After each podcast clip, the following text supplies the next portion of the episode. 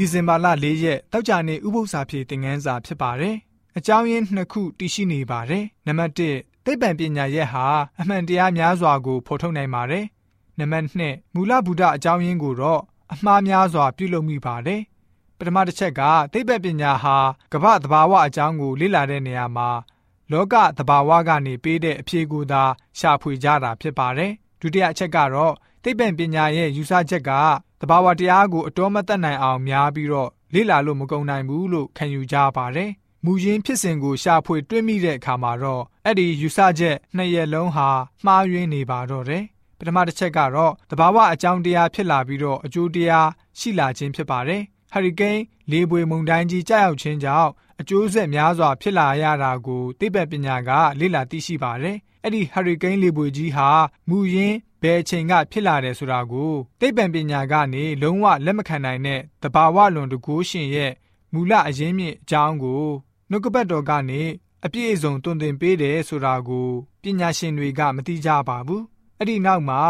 အတော်မသက်နိုင်လိလာလို့မကုန်နိုင်တဲ့တဘာဝအကြောင်းပါလာပြန်ပါတယ် ယောမဩရစာခန်းကြီး9အငယ်7နှစ်မှာဤအကြောင်းအရာဟုမူကားအပြစ်တရားသည်တယောက်သောသူအားဖြင့်ဤလောကသို့ဝင်၍အပြစ်တရားအားဖြင့်တေချင်းတရားဝင်သည်နှင့်အညီလူပေါင်းတို့သည်အပြစ်ရှိသောကြောင့်တေချင်းသို့ရောက်ရ၏ဆိုပြီးတော့ဖော်ပြထားပါတယ်။ဂဂနနမတိပဲကြိုတင်ကောက်ချက်ချတွက်ချက်မန်းဆခြင်းမျိုးဖြစ်ပြီးတော့တဘာဝပတ်ဝန်းကျင်ဟာ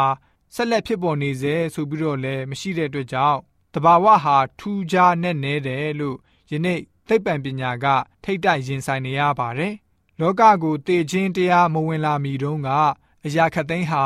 ယနေ့ကျွန်တော်တို့လေ့လာနေတဲ့အခြေအနေနဲ့လုံးဝကွဲပြားခြားနားခဲ့ပါတယ်။မဖြစ်ခဲ့တဲ့အရာကိုဖြစ်နေတဲ့အခြေအနေနဲ့နှိုင်းယှဉ်လေ့လာတဲ့အခါမှာအမှားအယွင်းဘက်ကိုသာဥတည်သွားပါလိမ့်မယ်။ဒီကြောင့်သိပ္ပံအတက်ဟာမူရင်းအမှားကိုသာလက်ခံရရှိထားပါတယ်။အကြောင်းရင်းကတော့ဖန်ဆင်းခြင်းရဲ့အကြောင်းရင်းနှစ်ရက်ကို ညင်းဆူထားတဲ့အတွက်ကြောင့်ဖြစ်ပါတယ်။နောက်ွယ်ကနေရှိနေတဲ့တဘာဝလွန်တကူတော်နဲ့မူလဖန်ဆင်းခြင်းနဲ့အခုကျွန်တော်တို့မျက်မှောက်အရာတွေကိုအဆက်ဖြတ်ထားလို့ပဲဖြစ်ပါတယ်ဆိုပြီးတော့တောက်ကြနေဥပု္ပ္ပစာဖြေသင်ငန်းစာကဖော်ပြပေးထားပါတယ်။ဥပု္ပ္ပစာဖြေသင်ငန်းစာ30ကတော့ဒီလောက်ပဲဖြစ်ပါတယ်။ဥပု္ပ္ပစာဖြေအစီအစဉ်တစ်ဆက်သူကျွန်တော်ဆက်ဆောက်ပါ။ကျမ်းနာတော်သူရောက်စီတိုင်းဝิญဉ်ခွန်အားနဲ့ပြေဝကြပါစေ။ကျေးဇူးတင်ပါတယ်။